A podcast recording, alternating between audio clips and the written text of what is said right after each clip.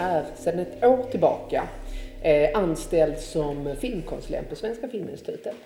Jag har ett uppdrag på tre år och under de här tre åren så ska jag finna och stötta de bästa, de mest unika filmerna jag kan hitta i Sverige till biorepertoaren. Så det är långfilm, eh, vuxen helt enkelt. Det är icke barn och ungdom, är mitt huvudansvar. Mm. Mm. Tack. Jenny Lokonen heter jag och detta är min fjärde vecka här på Film i Väst på heltid som talangansvarig som också innefattar ansvar för kortfilm och dokumentär. Och kommer eh, utveckla sättet som Film i Väst eh, har arbetat med talang eh, sen innan och försöka hitta lite nya spår. Eh, och sen så kortfilm och dokumentär har ju Film i Väst jobbat med sen innan så där eh, är det inte så mycket nytt än så länge i alla fall. Och jag heter Peter Possne. Jag är sedan två år tillbaka, nästan två år tillbaka, produktionschef på Film Väst. Jobbar i första hand med eh, svensk tv-drama och svensk långfilm. Men även över, övrig nordisk långfilm. Och eh, sen har vi då en grupp som inte är här idag som jobbar med våra internationella satsningar. Men jag jobbar mest med det svenska. Mm. Jag, jag glömde ju en del. Eh, en annan del som är mitt ansvar på Svenska Filminstitutet är att jag även jobbar med internationella samproduktioner. Mm. Den delen där man söker en svensk eh, del i sin internationella långfilm. Den, där, det jobbar mm. jag också med. Tack mm. Peter att du påminner mig. Mm. jag tycker att vi, vi tar den där vidare faktiskt eh, som en fråga sen för att det är intressant att se eh, vilka samarbetspunkter kan finnas och det är mm. därför det är intressant att ha alla tre här nu, tänker jag. Om man skulle sammanfatta i en enda meningen, vad är rollen och målet för respektive Svenska Filminstitutet och Film i Väst? Oj, det är svårt med en mening skulle jag vilja säga. Mm, mm. Vi är ju skattefinansierade, vi har ju ett ägaruppdrag som är ganska vitt. Men man kan säga att vårt huvuduppdrag det är ju att, att identifiera kvalitativ publikfilm eh, som har möjlighet antingen att nå en stor publik eller att nå ut på A-festivalerna i huvudtävlan. Mm. Det var en jättebra mening. Ja, mm. precis. En mening så är ju Svenska Filmens ett uppdrag att stärka svensk film. Mm. Det vill säga det hela Sverige. Mm. Både att eh, få ny talang att komma upp men även att ta hand om den talangen mm. som finns och eh, det blir mer än en mening. Men man har ju de här tre ledorden som vi, som vi då, som är egentligen Harry Shines gamla ord. Att man, man ska titta något som är angeläget. Det ska vara originellt. Men även se hantverksskickligheten. Mm. Att, att man kan samarbeta med en grupp. För att det är ju det här, det här är det unika med denna konstformen. Det är inte en one man show. Det är att samarbeta. Mm. Jag tänkte om, om, om Jenny vill killgissa lite grann här så.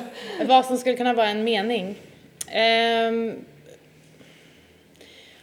på talangsidan så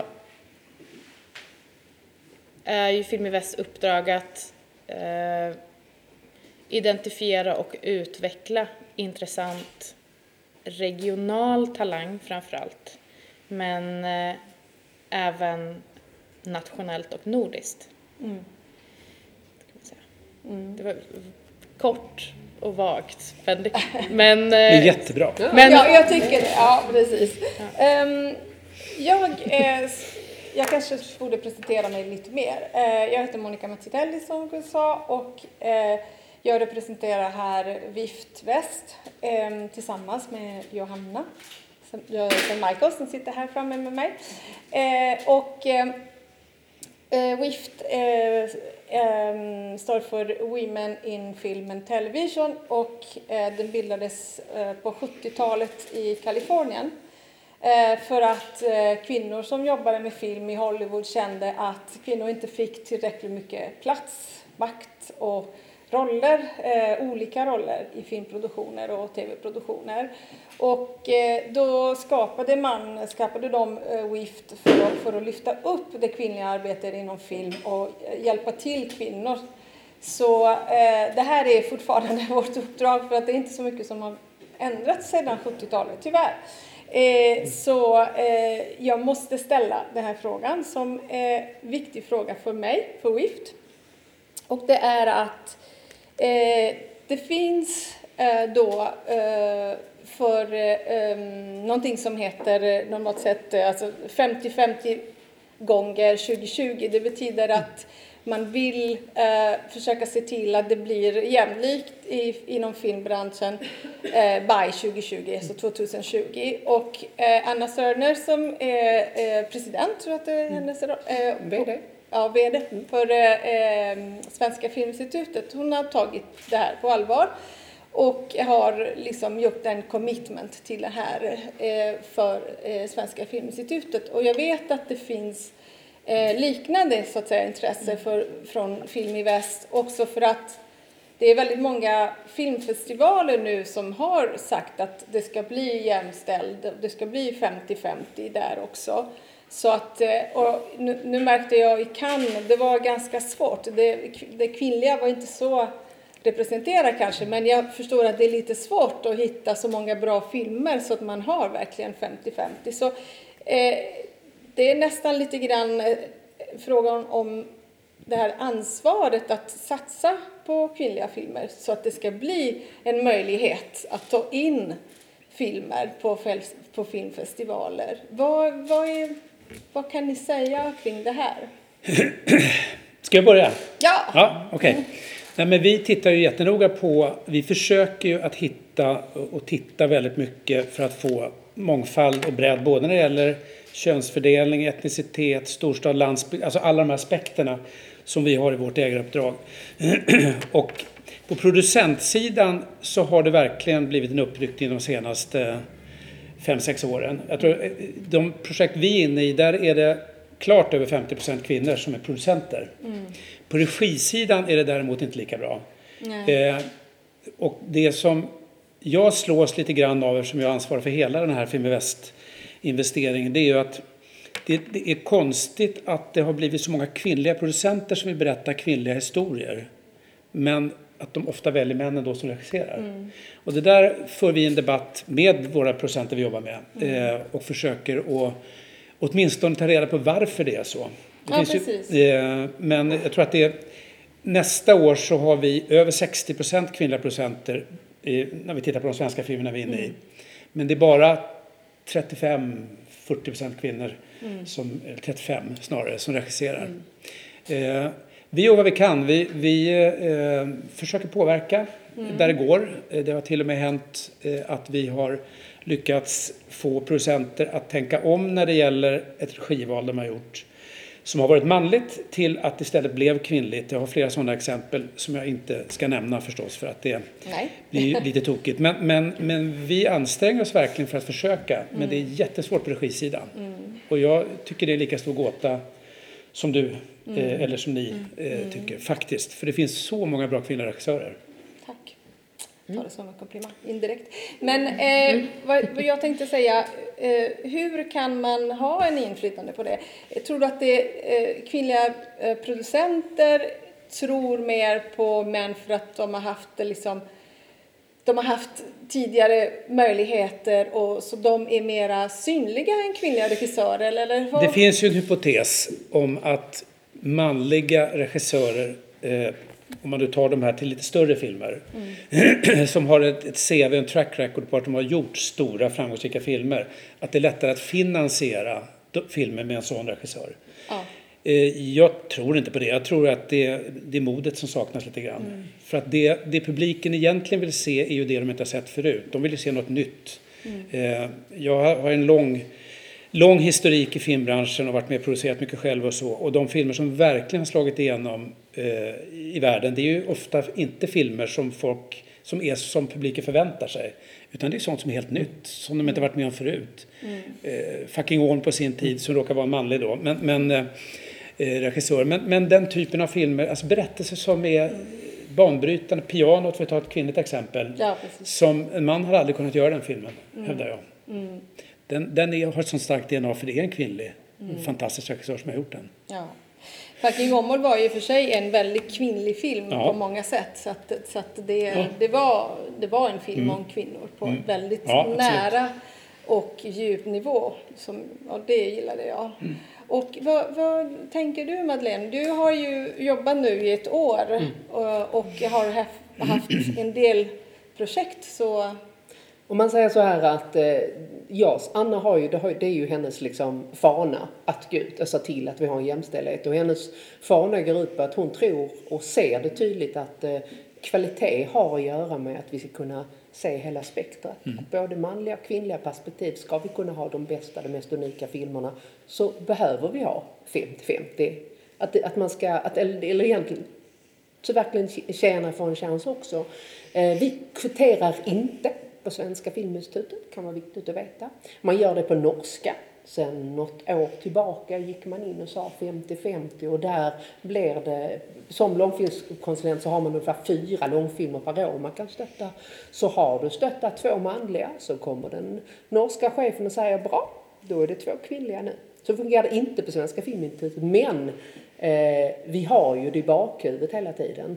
Eh, för, mig, jag, för mig har det gått relativt enkelt, eller enkelt, men på det, jag tror det är enklare för kvinnliga kreatörer att komma till en kvinnlig konsulent, vilket är lite galet, men eh, det märker jag. Jag märker att i min inlåda har jag mer kvinnliga kreatörer än Anders, som, för vi är två stycken som har långfilm eh, för, vuxna. Och eh, jag märker att Anders har mycket mindre tjejer än, än jag. Och det okej, är det så vi tänker? Så, så det här är bara, det här blir liksom min spaning. Det blir det, det här är inte the truth, det här är liksom the truth according to me.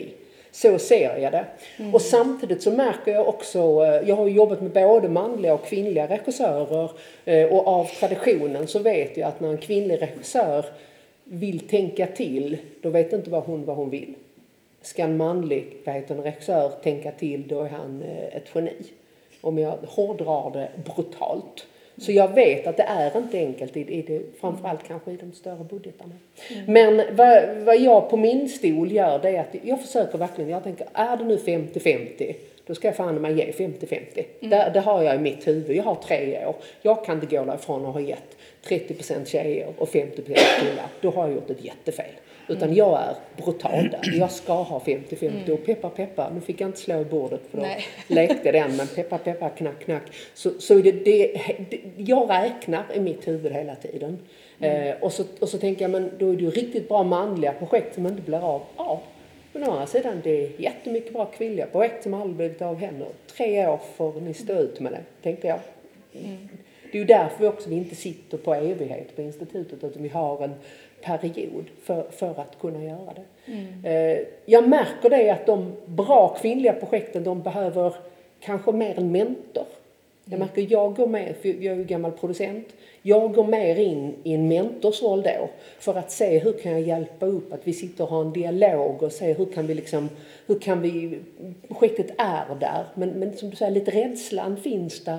Hur kan man få den här liksom mer råg i ryggen? Vad, vad är det som gör, hur kan man komma förbi de hinder som är satta? För råg i ryggen finns där nog, ursäkta, men, men det här hur kan man gå förbi de hinder som ställs framför en? Så, så det är någonting aktivt att jobba med hela tiden. Det går inte självklart bara för Anna Serner säger det. Ja. Så är det. Ja, det är klart. Jag, en gång pratade du och jag om, det faktum att för en kvinna eh, som, som kanske har barn och så, det blir ju, det blir ju svårare att eh, bara liksom säga nu gör jag en film, nu vill jag inte höra från någon. Det, det är lite svårare att hitta de här eh, tillfällen, alltså i det dagliga livet justera sig till att kunna vara regissör och bara det. Det är inte ett jämställt samhälle. Det, det, även om vi kanske är på väg så, så där är vi. Men det finns ju en teori också om att det är därför det är fler kvinnliga regissörer. Det tycker jag man kan se på tv-dramasidan.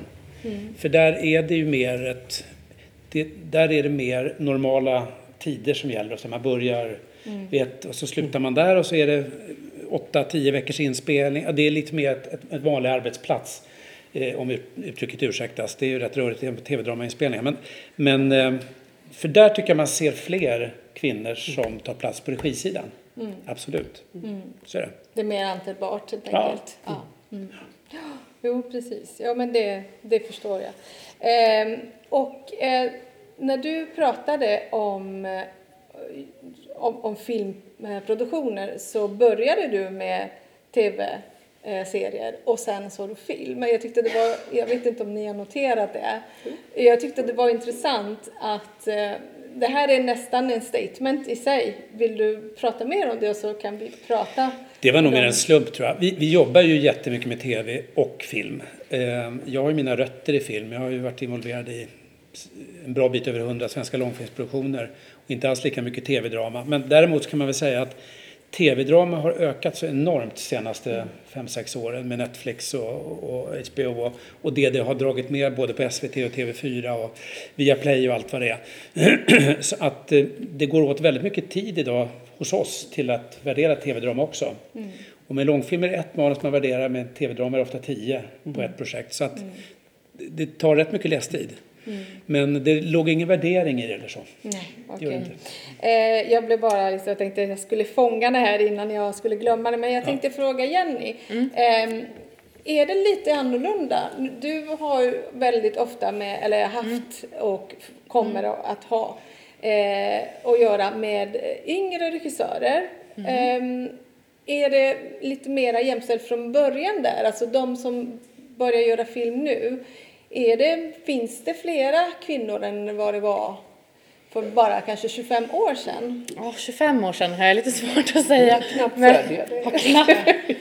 eh, men det man kan, det jag har kunnat se, um, till exempel innan jag började här så jobbade jag med en, en kortfilmfestival som heter Frame. Och, där vi, och den jobbade jag ändå med i tio år, så där känner jag ändå att jag har liksom en, någon, någon slags statistik att gräva från. Och där såg vi väldigt tydligt att att det var ganska 50-50 på filmer som vi fick in. Ehm, liksom kanske fem, upp till så att de var kanske 15-16.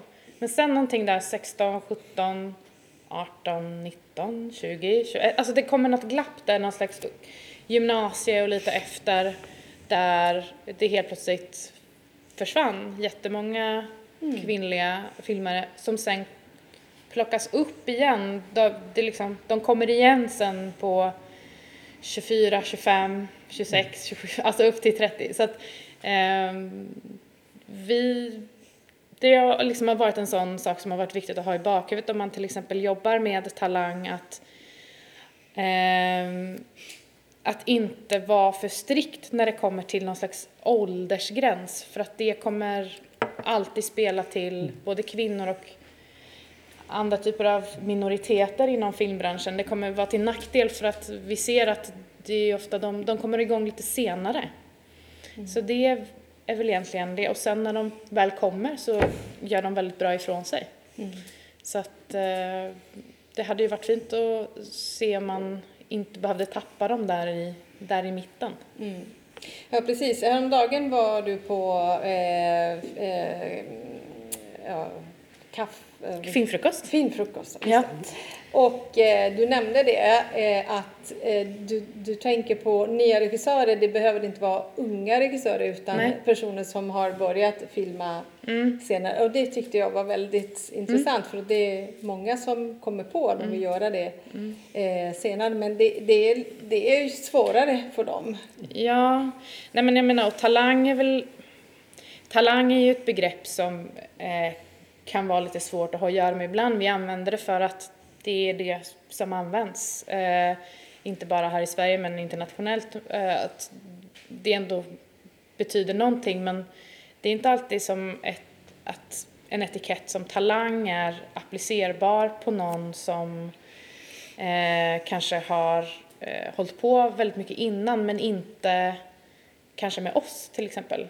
Så att eh, det är inte helt liksom kristallklart hur exakt man, vi kommer vilja använda begreppet talang men vi vill synliggöra att det är någonting som vi faktiskt arbetar med på olika sätt.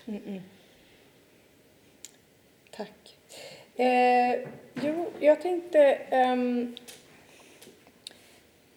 ni, det, det som är intressant tycker jag ikväll är att ni har olika utgångspunkter och eh, det finns skillnader mellan er som jag tycker är intressant. För att eh, det är väldigt ofta så att man säger att vill man göra en långfilm i Sverige eller ja, en tv-produktion så är det svårt att göra det med bara antingen heller utan ni måste liksom båda finnas för att stödja en film annars funkar det inte. Och då tycker jag att det är intressant att ta just det här tillfället för att lyfta upp det som, mm. som är annorlunda mellan er så att de som är här också kan skaffa liksom en, en tanke kring det. Och ja, nu är det Freja som har synpunkter om det. Ja. Eh, produktions, produktionsrabatter, ska vi börja med att prata om det? Vem vill starta och säga? Utifrån vilken synvinkel tänker du? Ja, alltså din... Vikten av det eller ja, att det vikten finns? av det och att det finns och eh, eh ja, det, det finns. men alltså, ja. Sverige är ju ett av de sista länderna i, i världen, höll jag på att säga, som mm. inte har produktionsrabatter. Och det innebär att vi ser ju mer och mer att även svenska långfilmsprojekt och eh, tv-dramaprojekt faktiskt spelar in eh, utomlands och inte i Sverige. Mm. Och eh, eh, det där är ju på sikt ett jättebekymmer om vi vill bygga en stark film och tv-marknad, eh, alltså en tv och filmindustri i Sverige med, med alla de olika funktioner som krävs med team, team och fotografer och allt vad det är. Eh, så är det, är det ju ett jättedilemma att de försvinner ut. Mm. Vi har många sådana exempel. Mm. För, förra Lasse-Maja-filmen gjordes ju på Irland till exempel och det var en film som hade kunnat göras här. Eh, och eh, jag kan räkna upp många som helst. Borg är gjort till stor del utomlands några veckor här. Mm. Men eh, så att det råder ju ingen tvekan om, och det finns också en politisk enighet om det då, mm. faktiskt. Det råder ingen tvekan om att vi måste försöka få hit mm. den möjligheten också. Dels för att hålla kvar svenska produktioner här, men också locka till oss utländska produktioner hit. Mm. Så att vi jobbar ju stenhårt på eh, att, att försöka få det att, att hända och jag tror mm. det kommer att hända också.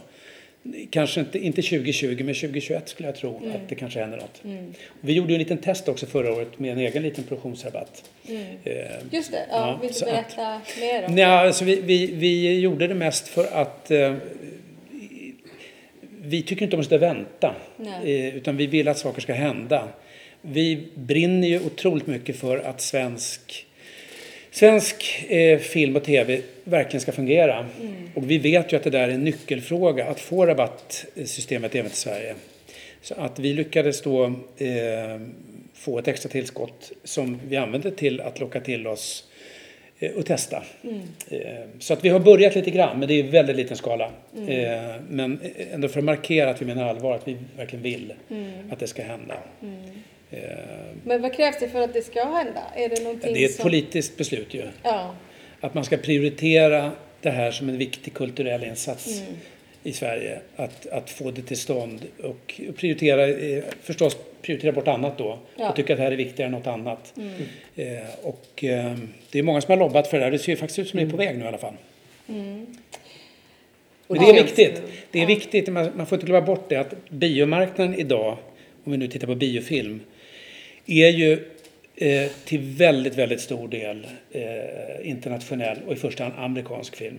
Mm. Den svenska marknadsandelen ligger så lågt som runt 16 procent idag. Mm. Eh, och den var betydligt högre eh, om det bara går tillbaka 5-10 år sedan. Mm. Och det innebär ju liksom att det gröper ur publikens intresse för svenska film, eh, för regissörer, skådespelare, manusförfattare och liksom det vi gör här i Sverige. Att den lokala marknaden riskerar liksom att att faktiskt försvinna på sikt om det fortsätter. Sverige var ju under många, många år ett väldigt starkt fäste för lokal film. Eh, precis som Frankrike och några få andra länder. Men risken är ju att, att eh, om det där inte finns kvar så blir det bara amerikansk film kvar. Då förlorar vi liksom det som är vår nationalskatt på något sätt. Ja. Vårt sätt att berätta, våra historier. Som också har varit rätt, alltså även internationellt framgångsrika, framgångsrika ja, under många år. Ja. Så jag tycker det är en superviktig fråga. Ja. Och eh, jag har hört att eh, Anna Serdar har fått samma fråga i Cannes och har svarat med att det är ett politiskt beslut och, och hur kan man försöka, tror du, alltså det, nu är det inte en fråga till dig egentligen, men om du kan vara så snäll då killgissa dig också på hur kan man försöka påverka det på ett bra sätt? Men allt sånt här är ju att synliggöra. Att, att ta upp det och se att, eh, menar, vad, är det politiker förstår? Det är ju att vi tjänar pengar på att låta pengarna stanna i Sverige. Vi har ju inte det kravet på Svenska Filminstitutet att går vi in i en svensk långfilm eh, så kan man ju faktiskt lägga en del av, vad heter det nu, av eh, produktionen i ett annat land, då försvinner ju skattepengarna dit ju. Mm. Så enkelt är det. Så jag tror att eh, om jag blir hårdragen Madeleine som kommer från en familj som alltid haft företag, så tror jag att Money Talks, jag tror man behöver berätta att det här är någonting som kan ge intäkter till Sverige. Lite som, jag menar det var väl ingen som åkte på semester till Sverige för. Och åker du runt i vilken landsorts om man är brutal och säger håla, så har vi ju ändå, vi har, vi har vad heter det nu, eh, starka, starka liksom inlandet kan du, du kan fiska, du kan jaga. Där, man, tyskar de kommer från hela världen idag till, till, till Sverige för vi har en unikhet i vår natur. Mm. Vårt landskap liknar inte någonting annat. Att det är så stort och det är så oförstört. Mm. Och så blir det. Det är ju rena, rena inspelningsplatser. Jag bodde ju många år uppe i norra Sverige och var platsletare. Och då vet jag, då tog vi ju hit, för jag kommer från reklambranschen från början, då tog vi hit internationella samproduktioner hela tiden. Det, det, eller, och, men mest reklamfilm då. Att man, man filmade i eh, snö och is och tyckte ju att det var jättehärligt. Istället för att åka till Nya Zeeland så kunde man filma Stora Sjöfallets nationalpark. Så vi har ju en förmåga, utan jag tror att mm. igen synliggöra, synliggöra att det här kommer göra att pengarna stannar i Sverige men även med internationella produktioner att de kommer hit. Mm. Vi ser väl nu den sista Bondfilmen gick ju till Norge. Eh, den kunde lika bra kommit hit. Mm. Jag har genom årens lopp, framförallt Norrbottensåren, skrivit på de här 350 långa kontrakten You're not allowed to say anything until the film is published. Att leta platser till bland annat Bond, som har varit på väg till Sverige jättemånga gånger men fallit på grund av det. Så, så synliggöra och visa att det här är ett sätt som vi faktiskt kan behålla våra skattepengar. Och kanske ännu viktigare nu när vi har en debatt om är kultur någonting vi ska satsa pengar på? Mm. Jag tror det är jätteviktigt att vi faktiskt blir politiska på det sättet och visar att ja, det är viktigt att satsa pengar på kultur. Och får vi då eh, tax incentive på, på inspelningar här, då stannar ju pengarna också. Då kan vi till och med liksom tjäna på det. Mm. Den debatten tycker jag är jätteviktig, att den har dragit igång och, och ännu mer. Så, mm. så någon av er här som är riktigt politiskt engagerad. Det känner jag, det är kanske det vi saknar. Någon i filmbranschen som älskar politik. Som faktiskt skulle kunna ta den facklan. För vi gillar att göra film. Mm. Men det är ju här att, att tjata, tydliggöra, att visa. Det är mm. Ja. För att, eh, har du någonting som du... Som jag vill tillägga? Ja, alltså någonting som inte mm. behöver vara kopplat till din erfarenhet men mm. Som synvinkel. Men vi har ju haft den diskussionen till exempel med, eh, det hade vi senast i, idag kring just med eh, skatterabatterna och i det konsekvensen som blir för, för våra filmarbetare till exempel. Inte bara utifrån ett kulturperspektiv men också ur ar arbete. Att mm. vi också eh, kommer tappa kompetens och mm det kommer kanske inte finnas lika mycket arbetsmöjligheter om, om det inte spelas in lika mycket här. Mm. Ja. Så, jag tänkte på det, man ser ju den här trenden, vi, vi, du talade lite om TV innan, man ser ju den här trenden att man tror ju att det är närmsta tre till fem åren som det kommer ju booma. Mm. Med att man har både HBO, man har Netflix, man har Viasat eller hur mm. många man har. Men att det kommer liksom att, för nu, nu ser vi ju ihjäl oss på TV-serier, i alla fall jag gör det, och jag har säkert ni också när man går hem och så är man helslut och så har man sett åtta avsnitt på tvären. Man gör det. det har ju, förr tyckte man ju folk var tokiga som gjorde det. Det har ju blivit vår vardag. Men hur länge orkar vi det? Och då säger ju experterna att man tror till fem år. Sen kommer det att plana ur, det vill säga det kommer bli mindre produktioner. Eh, och nu, för nu är det ju knappt, det går knappt att få tag i filmarbetare. Det märks de produktioner som får stöttning. Produktionsledare finns det nästan inga. Att nu slåss man om filmarbetarna. Men vi vet när utplaningen kommer då, då, eh, då kanske till och med kan få en liten arbetslöshet här. Det vet man ju inte om vi får ens vågar säga ett sånt ord. Och då är det ju bra om det finns en tax incentive så att man kan få hit en annan typ av produktioner till Sverige. Ja, jag märker att du har kvar din producentkänsla eftersom produktionen som kommer till Sverige ska egentligen inte vara målet för eh, Svenska Filminstitutet. Men jag tycker att det är väldigt bra att du har liksom båda saker som du kan se från alla perspektiv. Så jag tror att du kan bidra väldigt mycket i den här debatten. Eh, hur ska man kunna locka till Sverige produktioner? Men det har jag ju en liten bit. I, i Sverige så har, eller på till Svenska Filminstitutet kan man ju söka minors eller samproduktioner. Och då är det en internationell produktion som, kom, som vill då använda något svenskt. Och då kan det ju vara skådespelare, filmarbetare, någon, någon fotograf, scenograf och så vidare. Eller att man vill filma i Sverige. Och då har vi liksom en poängsystem. Ju mer, ju mer som kan bli svenskt av de pengarna, för det är ju rena skattepengar, ju mer du spenderar av dem i Sverige, då höjs ju ribban lite på det projektet. Sen i och för sig så måste det ju alltid vara ett bra manus, det måste vara ett bra projekt i sig. Men, men vi ser på de bitarna. Men vi har också kravet på institutet då att ska Svenska Filminstitutet gå ut in, in i en minor så ska man kunna se filmen. Det vill säga, är det någon tv-kanal som köper filmen? Kommer den få biodistribution? Kommer den att ligga på någon vod? Att ska, ska vi gå in som en minor, då ska liksom man kunna se det. Det är en av våra kriterier till, till att kunna ge stöttning. Och där är ju syftet att kunna hitta samarbetet. Och det här att samproducera, att, att det finns väl ingen... Jag ser på de filmer som ligger på mitt bord, det finns ju ingen, inget projekt Peppar Peppar som i princip bara har svenska pengar. Det finns alltid en fotograf från Danmark, Tyskland, någonting man lägger till. Och det är ju för att få ihop finansieringen. Så är det. Så, så nu kommer en, en, eh, ganska självklar fråga då. Hur mycket pratar ni med varann när det gäller produktioner och... Vi har väldigt mycket dialog, alltså så mycket vi får ha dialog med varandra. För att institutet har ju regler också för, det är ju konfidentiellt det som institutet arbetar med. Och även, vi håller ju väldigt hårt på att inte prata om eh, projekt hur som helst. För det man kommer in med till oss, det, det ska man känna sig trygg med att det stannar här tills det blir offentligt. Men däremot så på en, på en mer filosofisk nivå, om man får kalla det så, så pratar vi ju jättemycket eh, om... Eh, för vi har ju en sak gemensamt, vi vill ju att det ska gå bra för svensk, för svensk film och, och, och, lång, och tv, drama. Eh, så vi, vi pratar ofta med varandra.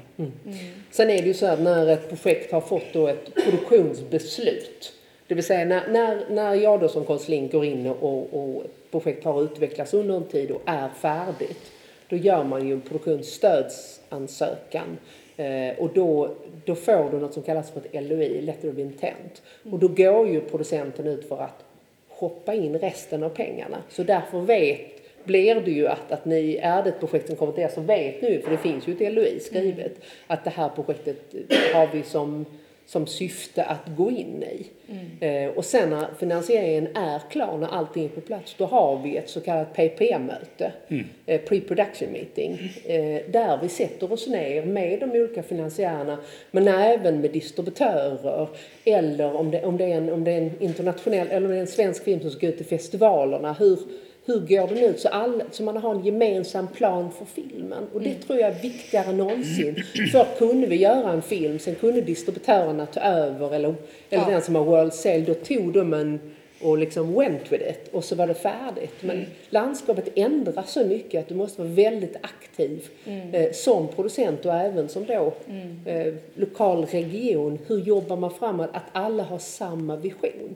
Så det har man gjort sedan ett par år tillbaka. Att när det är ett projekt som Ja, det här har alla bestämt, det här går till produktionsbeslut och Ja. det, allt, alla, alla avtalen ligger på plats.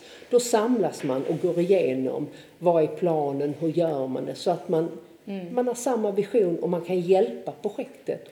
Och Det är ett behov som finns, för behövde man inte riktigt det. Nu måste vi hjälpas åt. Så på det sättet har vi ju Absolut. har vi en, en, en dialog. Men kan man säga då att det är eh, en mycket kortare väg till en finansiering om den ena eller den andra bestämmer sig för att komma med en produktion? Vi har inte riktigt samma uppdrag. Alltså, menar, vi, vi jobbar med skattemedel som sagt var och har ett enormt ansvar förstås när vi, när vi investerar de här skattepengarna mm. i produktioner. Så att det finns, ibland så, finns, så hör jag eh, en del då som tror att vi går på vår egen smak och känsla och sådär. Mm. Eh, det kan vi inte göra, för då, det vore ju liksom att hantera skattemedel på ett, ett eh, omoraliskt sätt. Utan vi, vi har ett otroligt tydligt eh, uppdrag eh, där det finns ett antal kriterier vi måste uppfylla om vi ska ha rätt att plocka Västra Götalandsregions skattepengar mm. för att gå in i ett projekt. Där bland annat att det händer mycket i regionen, mycket, att det blir mycket verkstad, mycket eh, industriell effekt och att det finns en, en, eh, att vi har en blick på att det kan nå ut på något sätt, att många ser det på TV eller att många ser det på bio eller, eller så. Och sen eh, så att eh, jag tror liksom vår, vi har ju på ett sätt fler kriterier tror jag förhålla oss till eh, på Filminvest än kanske än vad ni har på Filminstitutet. Jag vet ju inte, jag har aldrig jobbat för er så jag har inte riktigt koll mm. Och jag har aldrig jobbat hos dig. Nej, du, visst är det spännande? Nej, men jag, vi, vi, har i alla fall ett, vi ska ju kreera ett stort smörgåsbord varje år. Mm. Där det här med kvinnligt manligt är en sak och, och där och festivaler och sånt är en annan sak. Att vi ska ha med de största publikfilmerna är en sak. Att, eh, att vi ska tänka på talang är en sak. Mm. Och, och, att vi ska vara duktiga på att hitta de internationella vassa spjutspetsarna. Mm. Vi var i öppningsfilm nu vi kan med Jim Jarmors film till exempel som vi är med i. Vi var i öppningsfilm i Berlin med, med Lone Scherfigs film som vi är med i. Så vi har ju väldigt mycket vi ska tänka in samtidigt mm. med den budget vi har. Eh, men i grund och botten tror jag väl i och för sig att vi tycker ofta hyggligt lika om eh, Alltså när det gäller vad som är kvalitet och vad som är... Kvalitet är, det är ju lite intressant. Ofta blir det samma. Ja. Sen, sen sticker du no, kan du ju sticka någonting på institutet. I med som sagt, vi har också samma, samma vi har ett, man kan säga vi får ett, vi har som ett uh, rutmönster. Att man, man gör en bedömning, en kvalitetsfilm en film som är en festivalfilm, den behöver inte alltid få så mycket biljetter. En film som blir en, en vad heter det, mer en marknadssuccé. Så vi har ett, ett, ett man säger, en A, C och B diagramfilm. Och jag som konsulent kan inte bara stötta filmer, vilket är min personliga min personliga smak är ju som dotter brukar säga deep dark depressing som ingen ser. Det är ju det jag älskar. Men det, det får jag, jag ju inte stötta hela vägen och det, det vill jag ju inte heller. Nej. Utan, utan jag, jag har också att jag vet, har jag stöttat en sån film, men då måste jag stötta något som är mer tillgängligt. Och till en annan typ av publik helt enkelt. Ja, ja. ja mm. den biten. Och då har man ju sedan eh, så, så, och sen är det ju precis samma, Filminstitutet har ju uppdrag i och med det liksom att stärka svensk film har ju också samma uppdrag att, de, att stötta talang. Vi har en, en eh, fast anställd talangansvarig i, i vad heter nu, Lina Johansson. Mm. Vi har också sedan ett par år tillbaka Helena Ahlsson som drev först Moving Sweden som var ju mer novellfilm upp till, upp till 70 minuter kunde det vara men ofta var det under en timme för det var tv. Men sedan om jag tar tillbaka ett steg så vi, vi är ju inte, vi är ju liksom inte en, en rigid enhet. Vi anpassar oss efter branschen också. Då kom mm. det ett rop från branschen att vi behöver ha en, en, vad heter det nu, en satsning på långfilmer för debutanter. Och då blev Moving Sweden långfilmsatsningen. Mm. Långfilmen för debutanter eller max två långfilmer för att liksom hitta sin form. Den delen finns ju också. Mm. Att det, och då behöver du inte vara lika publikt. Mm. Då, då är det ju att hitta formen, då är det att hitta den här unikheten. Det är då man får leka, man säger så. att man, att man liksom kan experimentera för att komma fram till vad är formen och då har man ju också kanske möjlighet att misslyckas. Mm. För så är det ju, ska man mm. lyckas så måste man ju misslyckas. Jag vet inte, ni har säkert sett dokumentären Ingmar Bergman, hur han förbjöd ett helt gäng filmer som var hans första filmer för han tyckte de var så dåliga. Mm. Man måste göra mycket för att komma vidare. Mm, så är det, man lyckas inte på, på en gång. Nej. Så så uppdraget är ju att utveckla svensk film och då blir det liksom hela spektrat. Mm. Det här är så jätte... likheter har ja, men precis. som sagt var vissa olikheter också i med att det är också att finna nya former. Ja. Det här är väldigt intressant. Jag tror att det här går ju nästan till, till min nästa fråga. Men för att stanna kvar till det här med det här tråkiga med pengar. Eh, kan vi prata om spend? För att jag tror att det är väldigt viktigt att man förstår det här konceptet. Det är inte alla som gör det trots att ni har upprepade gånger försökt att förklara det. Jag tycker inte det är svårt att förstå alls. Men, men eh, det, det är så enkelt så att eh, vi, vi, vi kräver ju av alla invånare att de ska betala in lite skatt till oss så vi kan investera i. Och i gengäld så ska vi se till att vi genererar mer pengar i bästa fall tillbaka än vad vi fick. Så att, för det här är ju, eh, för, ska ju vara för Västra Götalands bästa det här. Vi ska ju inte utarma regionen på pengar utan vi ska ju tillföra. Så att eh, principen är ju beroende på vad man lägger spändnivån, för den varierar ju. Det, Vi har ingen sån exakt nivå. Men principen är att man ska göra av med mer pengar i regionen än vad man får. Ja. Eh, Det är ett, ett, eh, och det är för att eh, någonstans vi ska ha en marginal till medborgarna i Västra Götalandsregionen att vi inte gör av med mer pengar än vad vi får utan att vi tillför lite mer än vad vi får. Eh, Att vi skapar någon slags rentabilitet på det kapital som med, medborgarna sätter in i Fiminvest. Eller hur man ska uttrycka det. Ja, visst.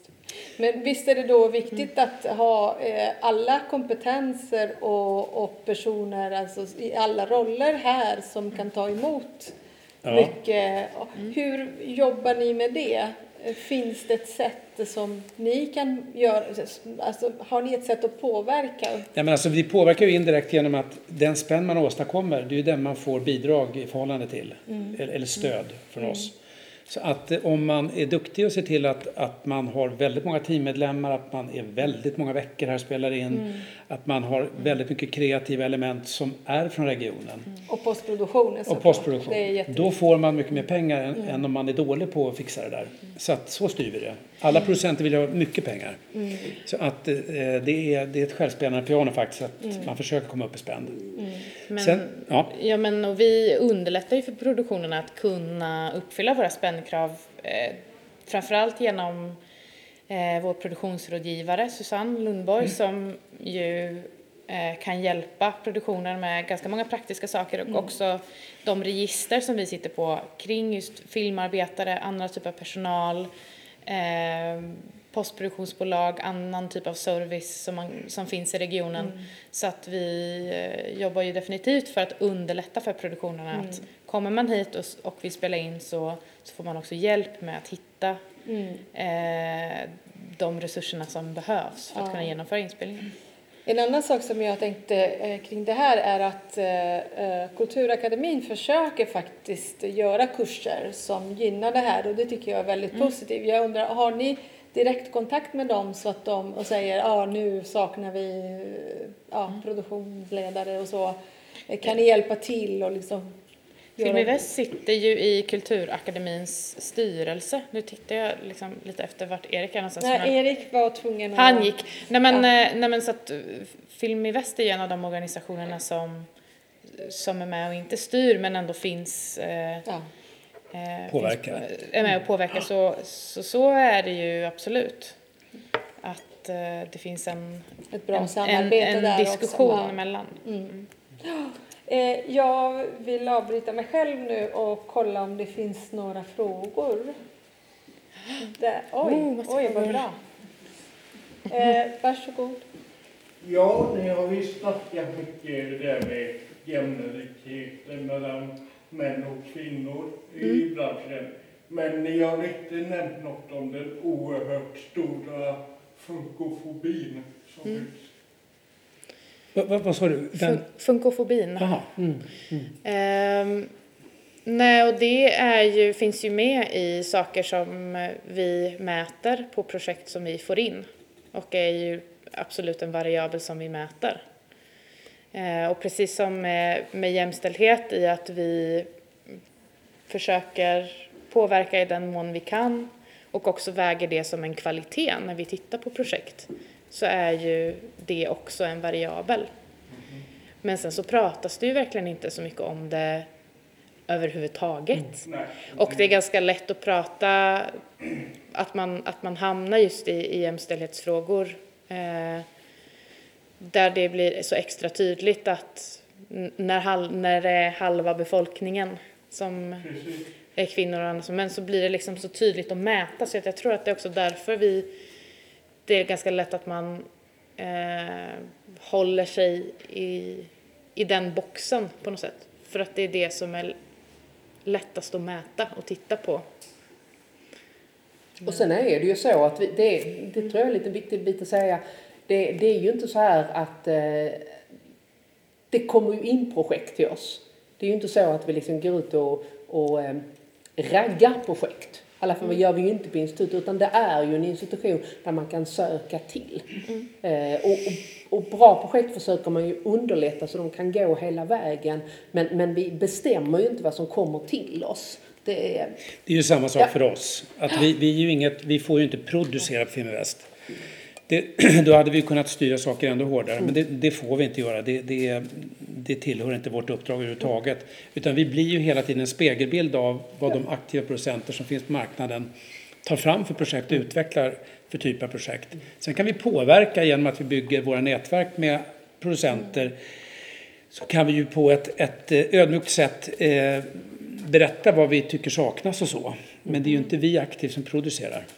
Man ser, man ser bara nu eh, det här sista året som jag har varit på, på institutet. Innan dess så fanns det nästan inga projekt som hade HBTQ. Det var liksom fem år tillbaka, det var Ja. pojkar som, som eh, ni bland annat samproducerade. Eh, Men jag tror hälften av alla de projekten som kommer in till mig har den tematiken. Så det har liksom, där ser jag att det har hänt någonting som inte har kommit in. Och, och det är klart att många projekt, starka projekt, det är klart att eh, ett gäng av dem går till produktionsbeslut. Så blir det ju. Det kan man inte komma ihåg. Så det går också lite trender. Vad, vad som är, men och det är det här som är det svåra i uppdraget. Vi kan bara bedöma med det vi får in. Vi kan liksom inte säga att vi behöver mer än sån och så, för då styr vi, då blir vi producenter och det får vi inte. Utan det, det är Nej, beroende det- på vad det är för ansökningar man får inte ska göra Nej. det. Nej. Eh, Jonas? Ja, ehm, jag skulle bara vilja säga en sak. Eh, jag tycker den här debatten är jättespännande. Men jag skulle vilja veta lite mer om det kommersiella. Alltså hur ska vi tjäna pengar och att pengarna inte ska gå till eh, skatteparadis, för det är det de gör. Eh, väldigt mycket av filmpengar går faktiskt till skatteparadisen. Eh, det är så man gör som framförallt utomlands när man får frågan så säger de ja men vi, vi lägger pengarna i det landet istället för det är bättre. Eh, om ni nu skulle få välja, så hur skulle ni vilja att svensk film skulle hantera sina pengar? Skulle vi lägga dem mer i Sverige? Men hur ska vi då göra för att få en, eh, en större kommersiell filmproduktion här i Sverige där vi tänker kommersiellt, där vi tjänar pengar? Man kan säga att den här den kommersiella frågan har ju funnits, den finns ju där hela tiden. Eller rätt hur får vi svenskar gå och se svensk film? Det är ju en fråga som går hela tiden för budgeten på institutet är ju också, är ju också PRSen som är ju, som är ju baserad på att en del av biljettintäkterna kommer tillbaka helt enkelt och kan gå tillbaka då till produktionsbolagen. Och man gjorde ju för ett par år sedan att man gjorde en satsning som kallas för marknadsstödet. Att eh, hade, jag varit konsulent för eh, x antal år så är det fem eller sex år sedan nu Sex är det väl? Ja, som, som det kom in. Då hade ju vi som konsulenter en högre budget. Men då tog man ju en del av den kakan och la då på marknadsstöd. Och det betyder att kommer du med ett projekt som är starkt, är kommersiellt och där man större sannolikt kan tänka att det här där, där, går, där är det ju en, en grupp som är från branschen som gör en bedömning, kommer detta att sälja biljetter? Distributörer som, vi, som gör bedömningar för att, att vi ska kunna då gynna svensk film på det sättet vill man då, det har varit en av, an, en av anledningarna att man ska kunna se till att vi, vi, vi gör mer kommersiell svensk film. Så faktiskt pengarna stannar i Sverige. Och det andra är ju lite det vi har pratat om här, att kunna göra en, vad heter det, att det inte går som du säger, skatteparadiset, att man kanske inte åker till till, till ett annat land där det är en skatteledning utan man stannar med produktionerna i Sverige. Och det är där det är tax incentive som, som vi pushar på på en politisk nivå. Så, så man kan säga att det, en åtgärd är gjord och den andra pushar vi för. Vi tittar ju också väldigt mycket på i, i projekt som Filmen Väst går in i tittar vi ju väldigt mycket på hur finansieringen är uppbyggd. Det finns ju två sätt, ur ett producentperspektiv, så finns ju två sätt att, att tjäna pengar på att göra film. Det ena är att man fokuserar helt och hållet på att tjäna pengar på att göra filmen som producent. Det andra är att man är fokuserad på att göra en film som man tror man kan tjäna pengar på att väldigt många vill se den. Så pengarna kommer i biljettkassan istället. Tack. Och vi är ju väldigt noga med och vi är väldigt noga med att eh, inte lägga pengar i filmer där det är helt uppenbart att enda syftet med filmen är att producenten ska tjäna väldigt mycket på att göra filmen. Och sen spelar det egentligen ingen roll vad som händer med filmen. För då krockar det med vårt uppdrag och också faktiskt min, min inre moral. Utan, eh, och där har vi ju flera hos oss som är väldigt duktiga på att genomlysa budgetar och finansieringsplaner.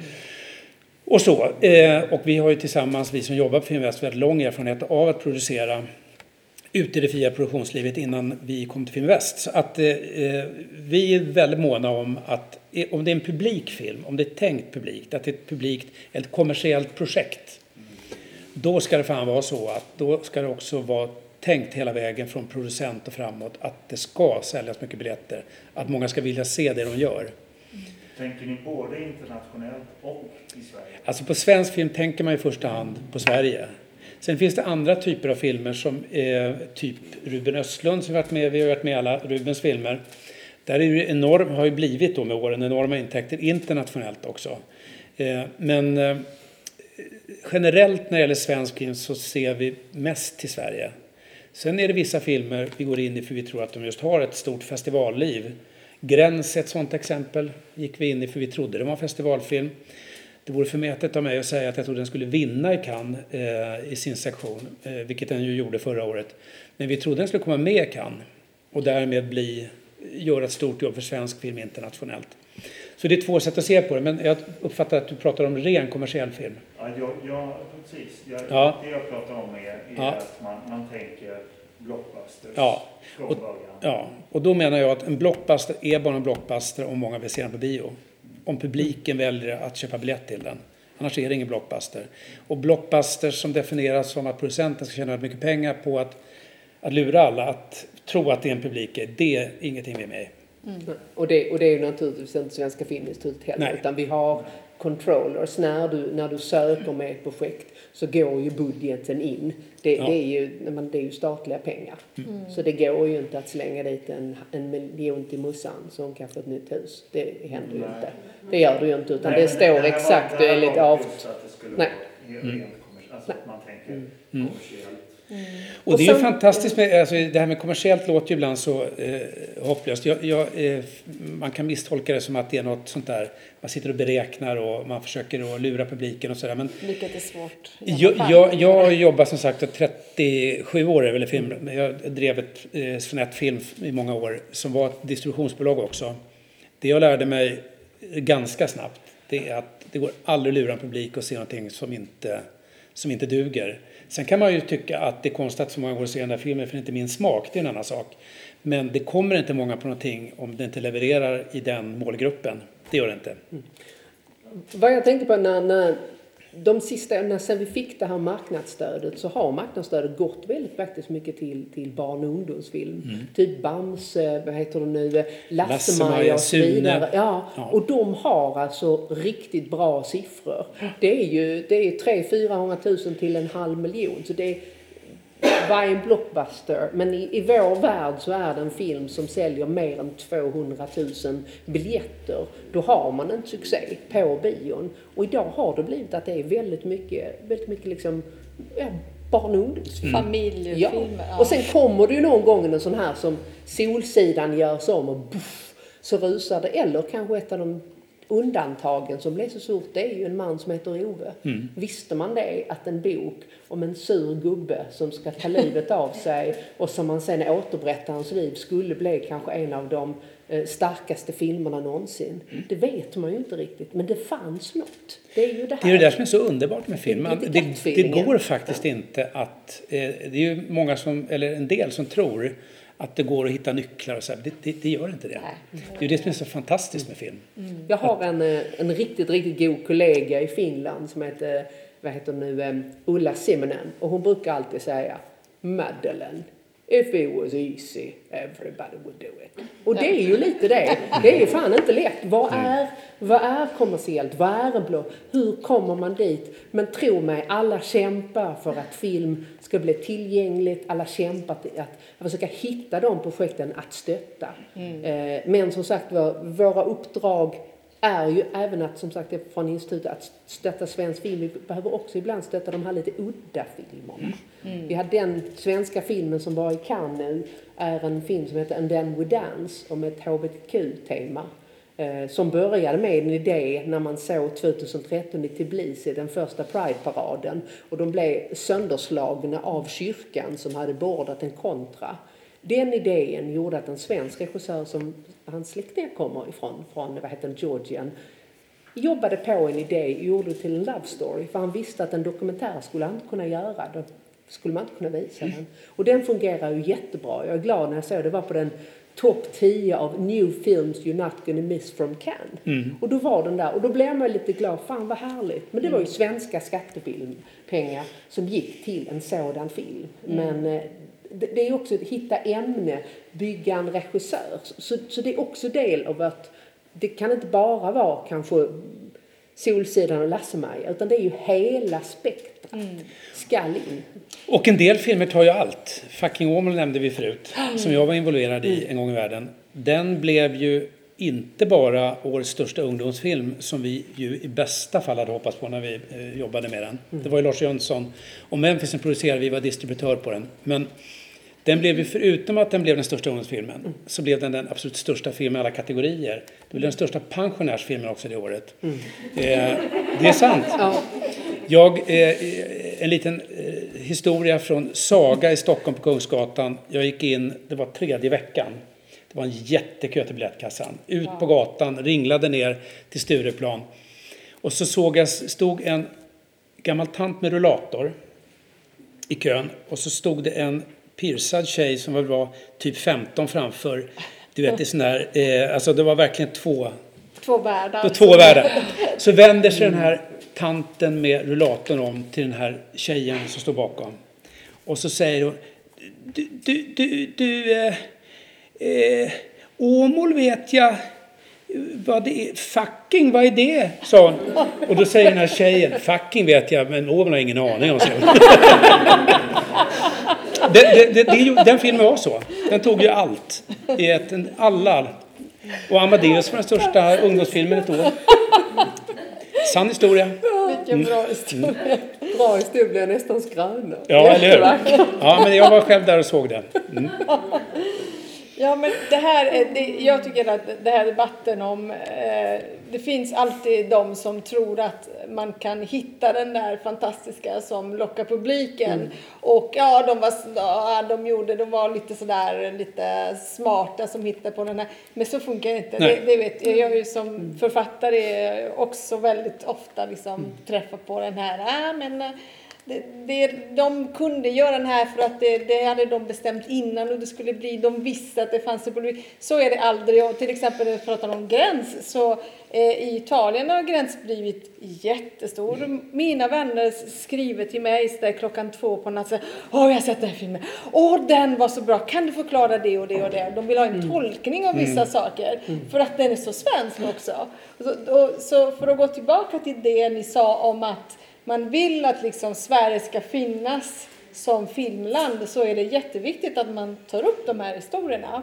Och då kommer eh, min fråga här. Vad är det som är det viktigaste? Det är en fråga till alla tre. Vad, om- om ni kan bara välja en sak, vad som är viktigast i en film? Att den berör känslomässigt. Om det inte är ren, ren underhållning. En Bondfilm behöver inte beröra känslomässigt. Utan det är någon slags superunderhållning bara.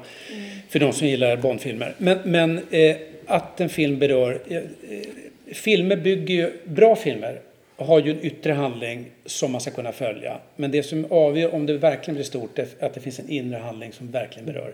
Därför kan en Schindler's list till exempel, trots att det är en yttre handling som är ganska dyster, men när den är berättad med så mycket känsla och, och, och kärlek till ämnet så kan den liksom bli en stor världshit. trots att det på pappret ju inte låter kanske som att det är världens största film, så blir det det. Så att, att en film berör känslomässigt, det är det helt avgörande. Ja, Att man vet, att man, att, man, att man kan svara på två frågor. Man kan svara på frågan varför vill du, alltså varför du vill berätta. Det finns de här böckerna som vi får in väldigt mycket. Många producenter kommer till oss som har köpt bokrättigheter till olika kända böcker som har sålt väldigt bra. Och min första fråga är alltid eh, när, när då respektive producent har berättat om hur mycket boken har sålt och varför det här är ett jättestarkt varumärke. Så min första fråga är alltid varför vill du göra film på Du den? gör det. Vad är det du vill berätta egentligen med den här Ja. boken? Ja. Och kan man inte svara på den frågan då tycker jag man är illa ute. Faktiskt. Om man vill nå en stor publik. Ja. Jenny? Då måste jag ju välja någonting annat. Ehm, Nej, nej, du får jättegärna välja samma.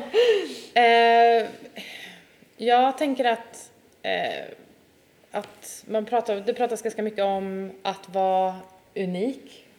Eh, och egentligen så finns det inte så jättemånga unika berättelser. Alltså, Vi berättar gärna ofta om, om liknande skeenden, stora saker som händer i livet eller sådär.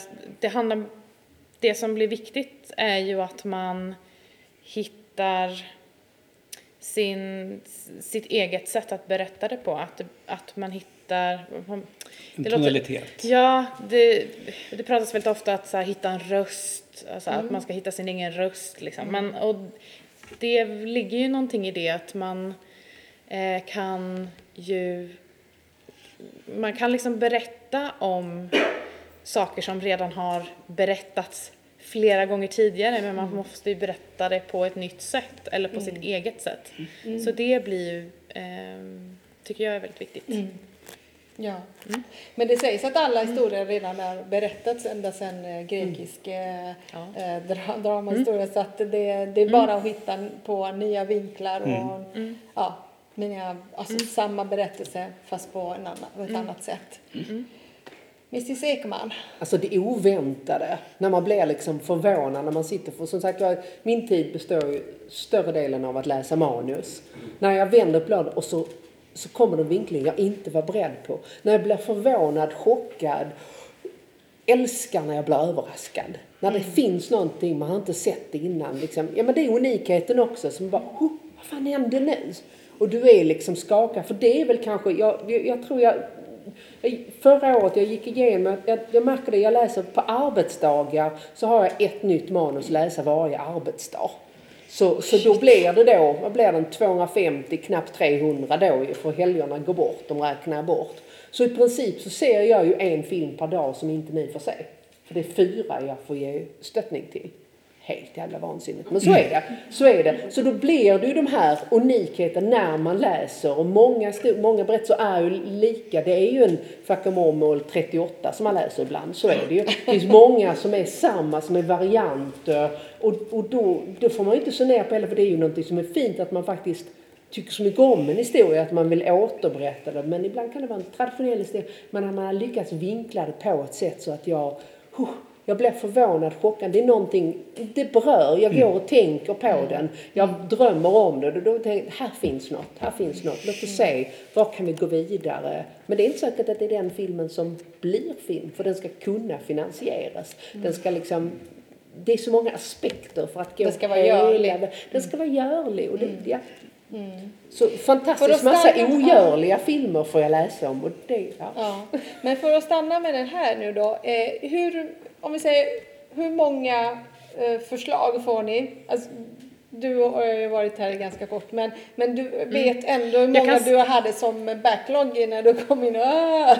Ja. Hur många filmer har ni och hur många kan ni finansiera? Alltså jag vet att det beror på hur mycket varje film kostar, men på liksom, ja, ballpark figure kan man säga. Frågade du? Jag frågar Ja. alla tre. Jag tänkte att... Ska jag bara ta den stora bilden eftersom jag eh, ser allt som kommer in till Film i Väst. Eh, Vi får ju jättemycket. Jag, tror, jag läser, har räknat ut ungefär 10-15 manusveckan. Nu är ju en del då versioner på tidigare, en del är tv-serier och då blir det ju liksom 10 manus på en gång. Det. Eh, och, eh, eh, så att, eh, och sen på den internationella sidan får vi också jättemycket manus till oss. Så att vi får ju enorma mängder som kommer in. Eh, och eh, vad var det fråga? Hur många får du bara... Stötta? Ja, alltså det är ju, det- vi gör ungefär 10-15 svenska långfilmer per år. Vi gör ungefär 5-6 tv-drama och vi gör 15 internationella filmer. Så slänger man ihop det där så tänker man att man läser 15 manus i veckan, bara jag. Sen har vi våra internationella, Anthony och, och Caroline som läser internationella. Så är det bara ren matematik. Att 3 procent. det är väldigt lite det som kommer in som vi går in Ja.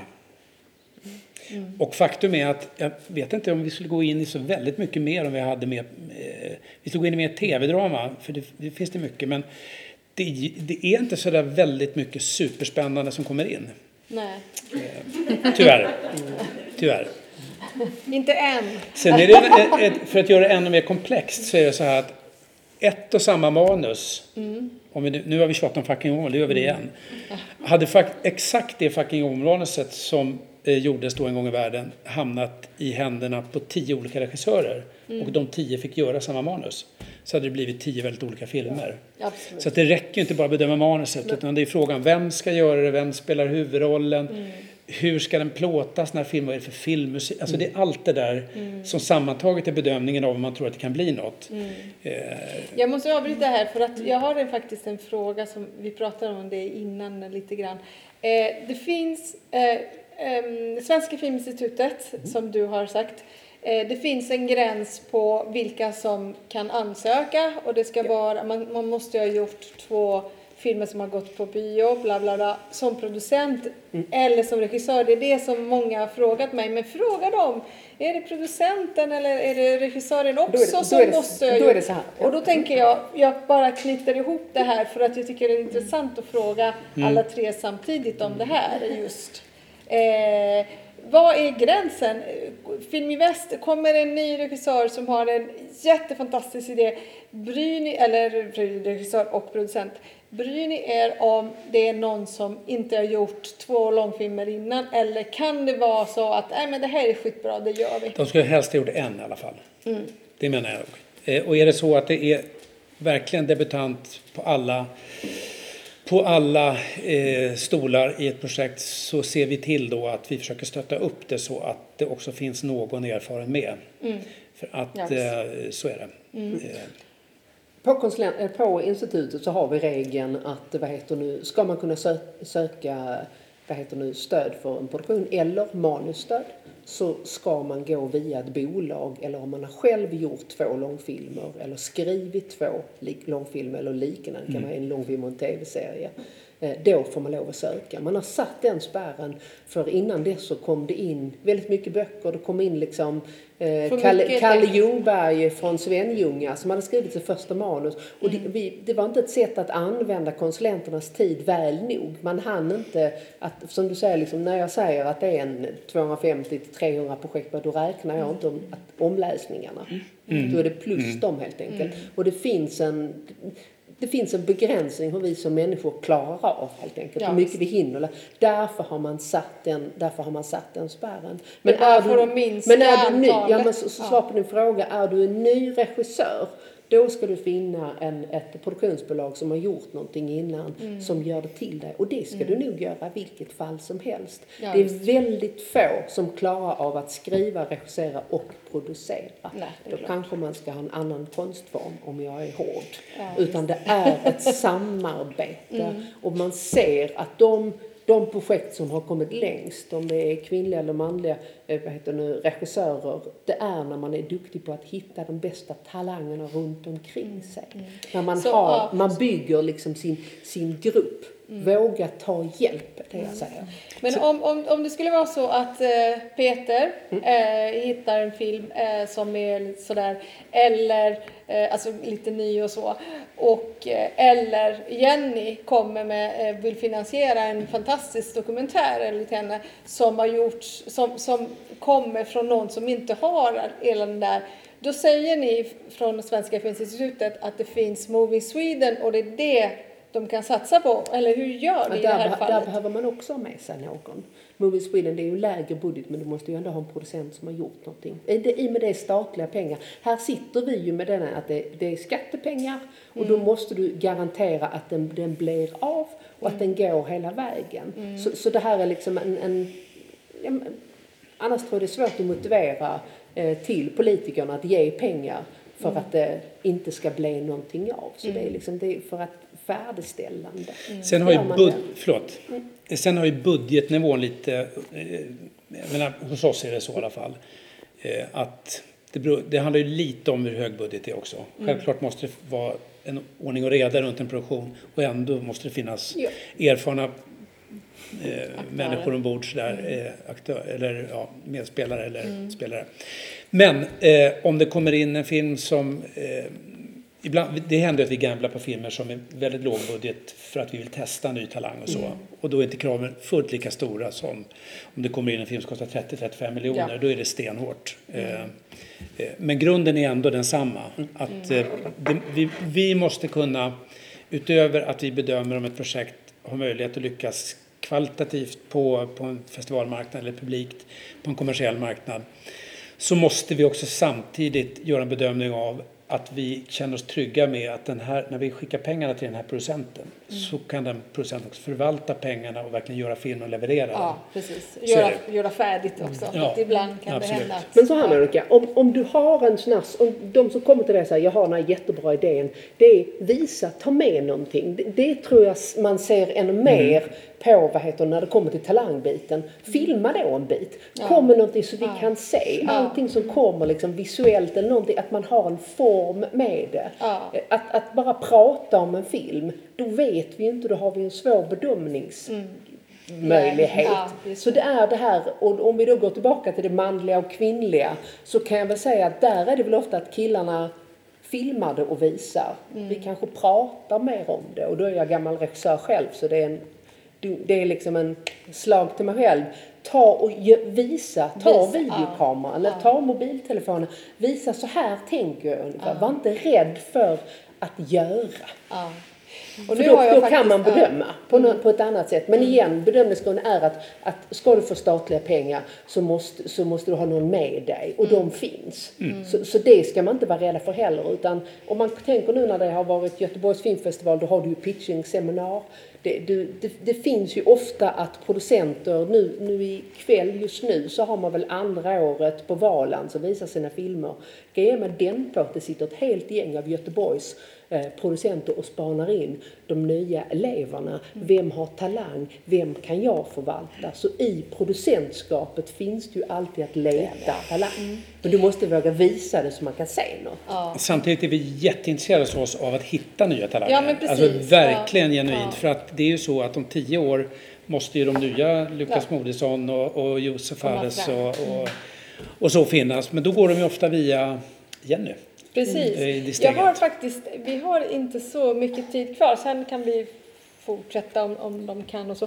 Men eh, jag, jag måste fråga en sak till Jenny specifikt. Eh, nu har vi ingen från Svenska Filminstitutet om dokumentärfilm.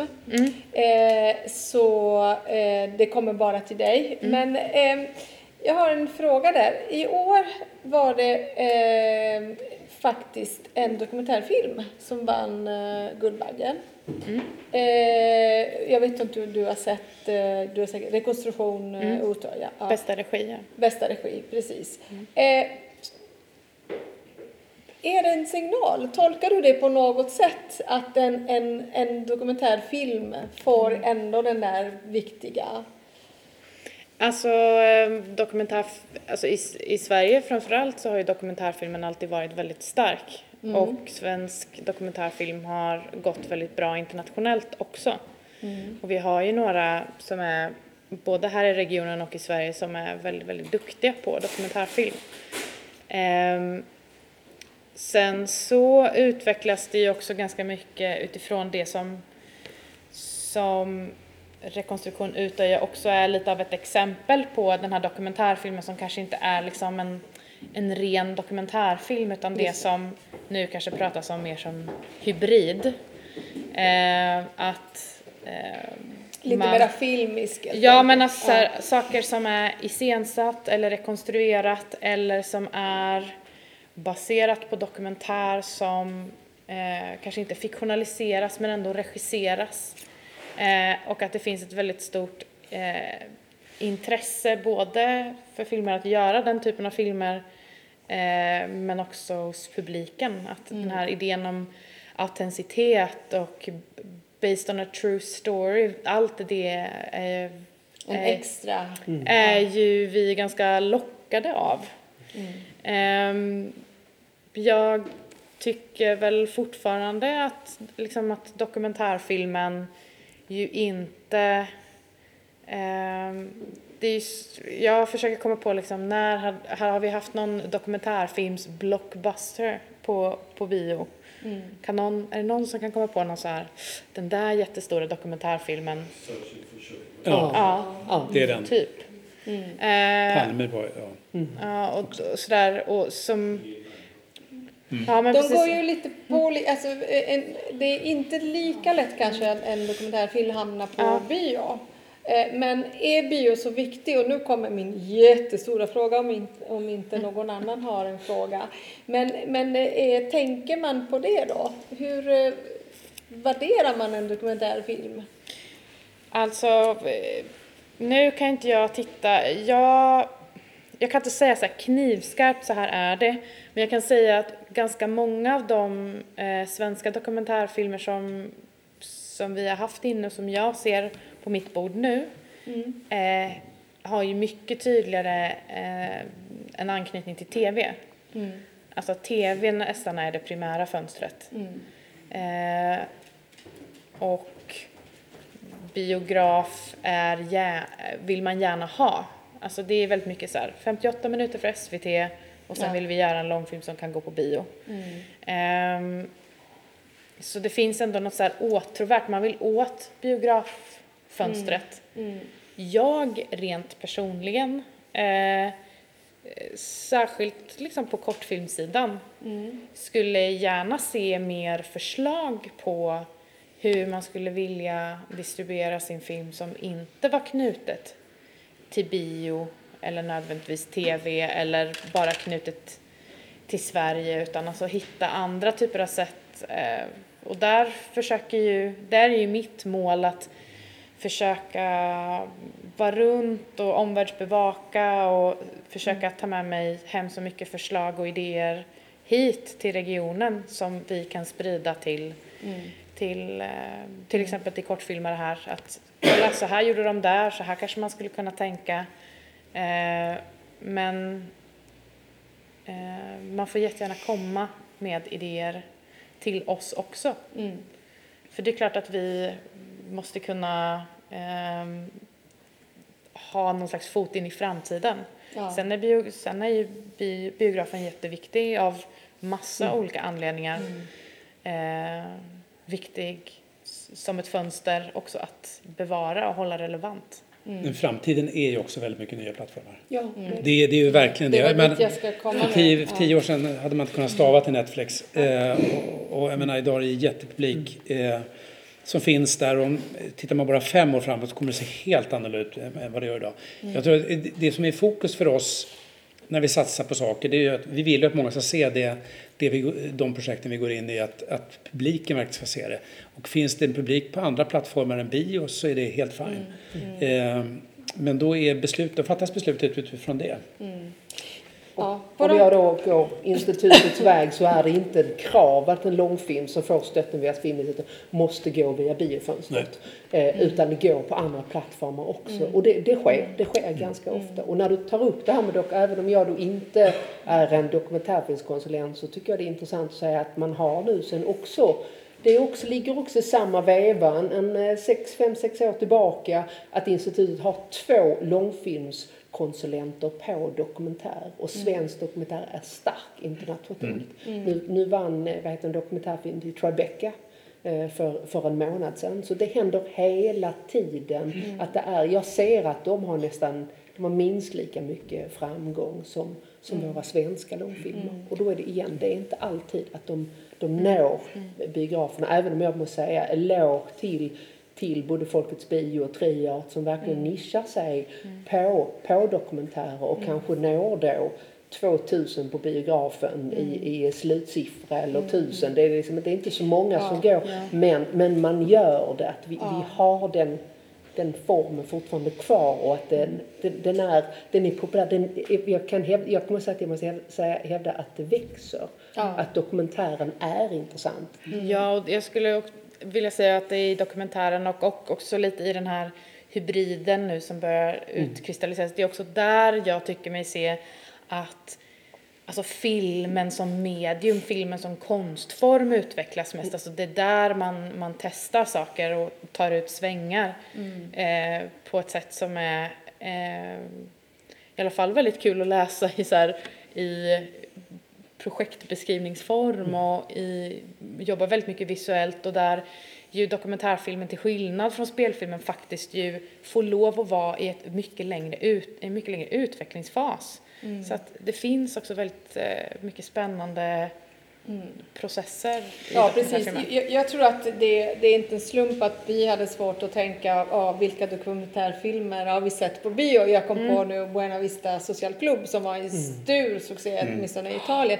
Men det, det är inte många som man kan eh, komma på bara så här. Men jag, jag, min fråga var just det här, jag ser att det finns en framtid, en utveckling, någonting som kommer att komma. För att eh, det, det känns som om folk är mer intresserade för att dokumentärer nu görs på ett annat sätt. Eh, docufiction är okej, eh, en annan sak. Men, men det, det är liksom, vi är, vi är lite grann där. Det räcker inte att ha bara liksom dokumentera utan man ska ha en vision, man ska ha en bra eh, foto och allt det här. Det, det är lika mycket liksom, krav på något sätt för att det ska vara väldigt fint liksom. Upplevas som det, det här är värt att sitta och titta på, en, på i en eh, biosalong och inte bara på tv. Det är det jag menar att det, det är så filmiskt alltså att det är vackert att se.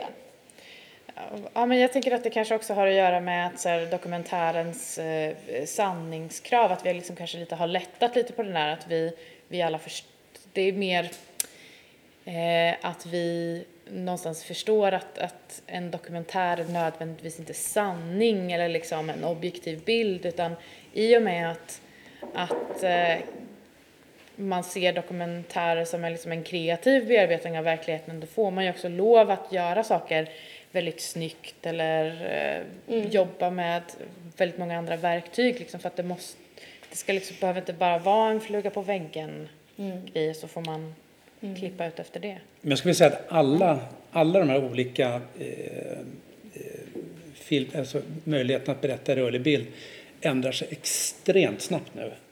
Eh, och eftersom eh, även långfilm och tv-drama och var det visas och hur det visas och vilket format, hur många avsnitt och, och, och, och vilken aktör det är som visar det på sin plattform och sådär. Och eftersom vi inte producerar själva, jag brukar alltid ta tillfället i akt vid sådana här möten, att Film Väst, vi vill ju verkligen ha, det är tillsammans med er som gör film, oavsett om det är kortfilm, långfilm, tv-drama eller dokumentär eller, eller vad det nu är.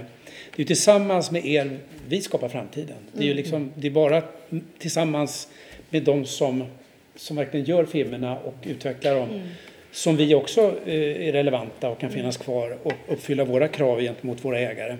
Så att eh, en sån där allmän regel, kontakta oss hellre för ofta än för lite.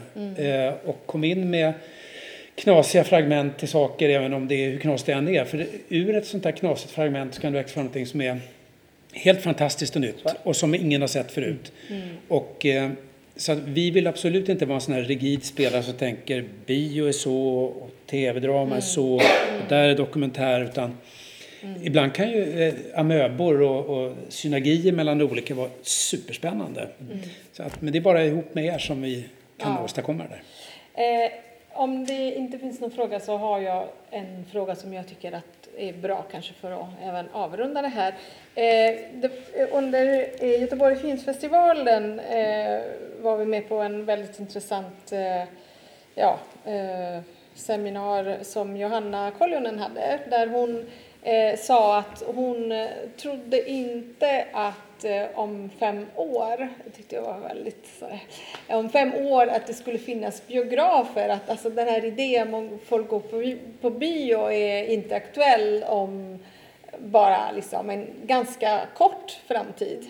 Eh, vad tror ni om det? För att det, det, det är klart att eh, det, det, är ju liksom svårare att få, få folk att gå på, mm. på bio samtidigt som man ska alltid ha liksom det har jag förstått eh, från det ni har sagt att det är väldigt viktigt för, för, er att det finns en plan på hur man ska sprida och var eh, en film eller en eh, tv-drama eller en dokumentär var den ska hamna. Så det här är väldigt viktigt och det är en väldigt viktig del av projektet. Så jag tror att det här kan vi också bära med oss hem idag. Mm. Att tänk, alltså kom med någonting som är väldigt här, konkret. Vi ska göra det och det och det. Och gärna eh, som du sa då, mm. eh, något kreativt idé på hur man ska distribuera det. Mm. Eh, och då tänker jag, för många filmer, men framförallt eh, tänker jag på eh, kortfilmen och, och dokumentärer, då är SVT roll väldigt viktigt. Och på något sätt så, det hade varit för mycket att ha SVT här också så jag avstod från det. Men eh, hur mycket är, är det viktigt i era beslut att SVT finns till exempel om det är svenska filmer? Hur mycket roll har de i beslutet kring en finansiering? På en lång film menar du? På, ja, på TV-drama TV får man lov att säga att de har mycket mer ja, beslutande rätt i. Ja. Nej, men alltså, även de här som vi upplever som de stora traditionella TV-kanalerna, SVT, TV4, mm. är också jätteklämda idag. Mm. Eh, för att eh, vi upplever SVT som en jättestor spelare. Mm. Men i det här globala perspektivet som eh, hela den här filmmarknaden jobbar i idag så är de ju inte en jättestor spelare. Om man jämför med Amazon eller. Disney Plus när de kommer nu eller HBO eller så är det ju verkligen mm. jättar som, som kommer in eh, mm. och eh, tar marknadsandelar. Så att eh, jag skulle vilja säga att eh, det finns inte ett enda nordiskt bolag som har en chans att stå emot när det gäller kapital och påverkan om de verkligen vill ta sig in på en lokal marknad. Eh, så att eh, ingenting kommer att se ut som det gjorde när jag mm. växte upp längre. Vad säger du, vad säger du då? Det, det Men bio kommer finnas kvar om fem år. Ja, det tror jag också. Mm, absolut. Men var, det här är en fråga till var och en. Om ni ser, om ni tittar i framtiden om fem år, hur kommer det att se ut lite grann? I, alltså hur, hur mycket kommer det filmer och, och, och gå på bio? Hur mycket är det eh, särskilda kanaler och, och betalkanaler och Netflix och allt det där? Ja, biomarknaden kommer att, den har ju redan förändrats enormt mycket. Sju av tio, om man tittar på topp 10-listan på biografer egentligen i hela västvärlden och även eh, när man tittar på Kina och sådär. Sju, sju utav, eh, eh, utav tio filmer på topp 10 idag är tyvärr eh, franchise varumärken, mm. bygger på kända böcker, bygger på, på kända förlagor. Och det är, det är faktiskt någonting som är världen över. Det är egentligen bara tre filmer i snitt som är originella, helt nya mm. typer av berättelser.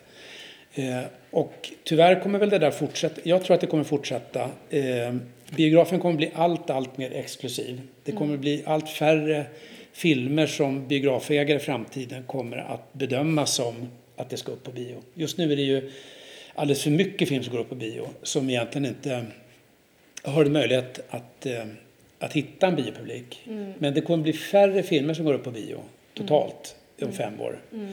Men biomarknaden kommer nog, i, delvis i kraft av att, att eh, eh, biografaktörerna också höjer priserna hela tiden, mm. så kommer nog omsättningen att se ungefär likadan ut de närmsta åren, det tror jag. Mm. Men, men det kommer inte bli lika många titlar som går upp per år. Mm. Eh, det blir lite som teateropera.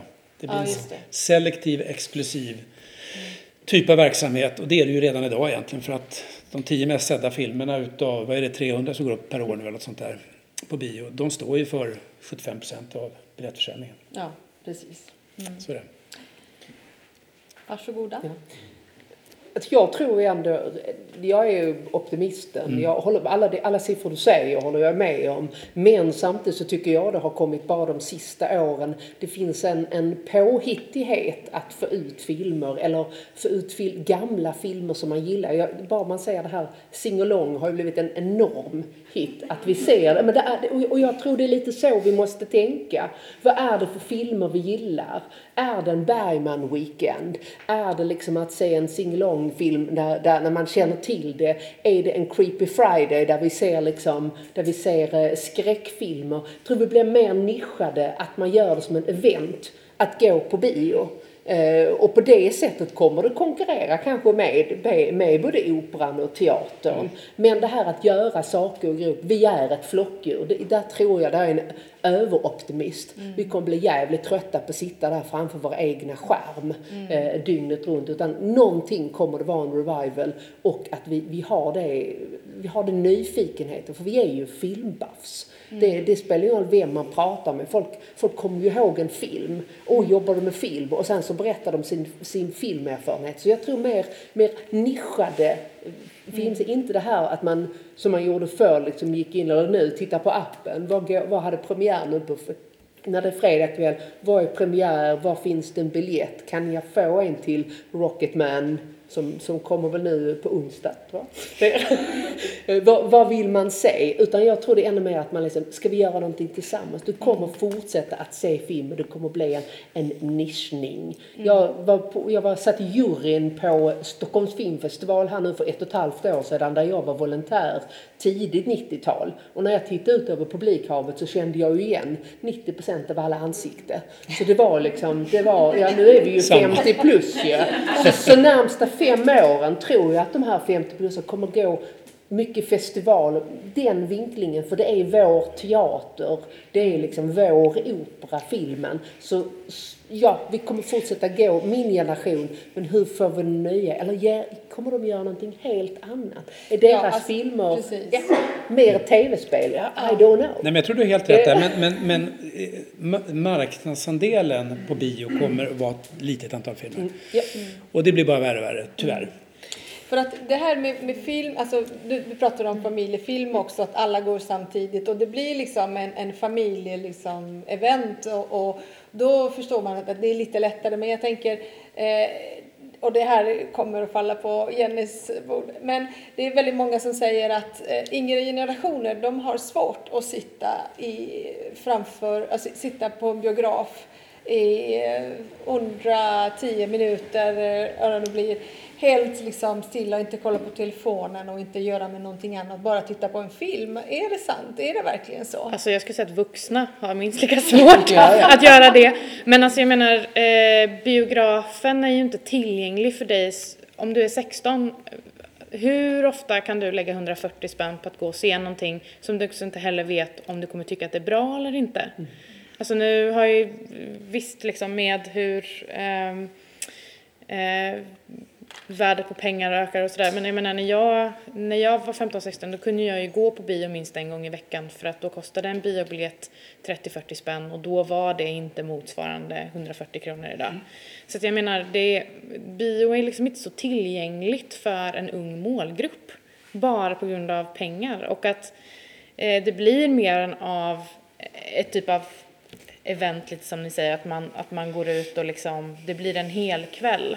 Ja. Eller, och så tror jag att kanske filmer, alltså särskilt på kortfilmsidan har man sett lite exempel i Stockholm till exempel att man faktiskt gör event av sina filmer, man går ihop, man visar dem eh, för att eh, Man lägger någonting till själva filmen. Ja, men precis för att, eh, och det är ju dit liksom hela biografmarknaden pushar hela tiden att det blir en upplevelse för att det är, en, det är det enda man har att konkurrera med, att folk inte ska sitta hemma i sin egen soffa med sitt underbara liksom, soundsystem och man kan liksom sitta Ja. i sina underkläder och käka popcorn liksom. Och Vad- se film. Ja, ja, och, se se film man, liksom. för det gör man ju. Ja, vi ser ju vi ser ju hur mycket film som möjligt. Så Problemet handlar ju inte om att, att ingen vill se film, det är bara det att ehm, det kanske På inte är så... i, Men det kanske inte är så, sammanhang? ja men precis att vi kanske vill göra det på lite andra sätt eller på olika sätt och vad som är mest tillgängligt är det vi vänder oss till. Jag, jag, eh, Om det finns en fråga. Jag har en fråga. Johanna. Jag har en sån här filmarbetarfråga på Mm. Filminvest.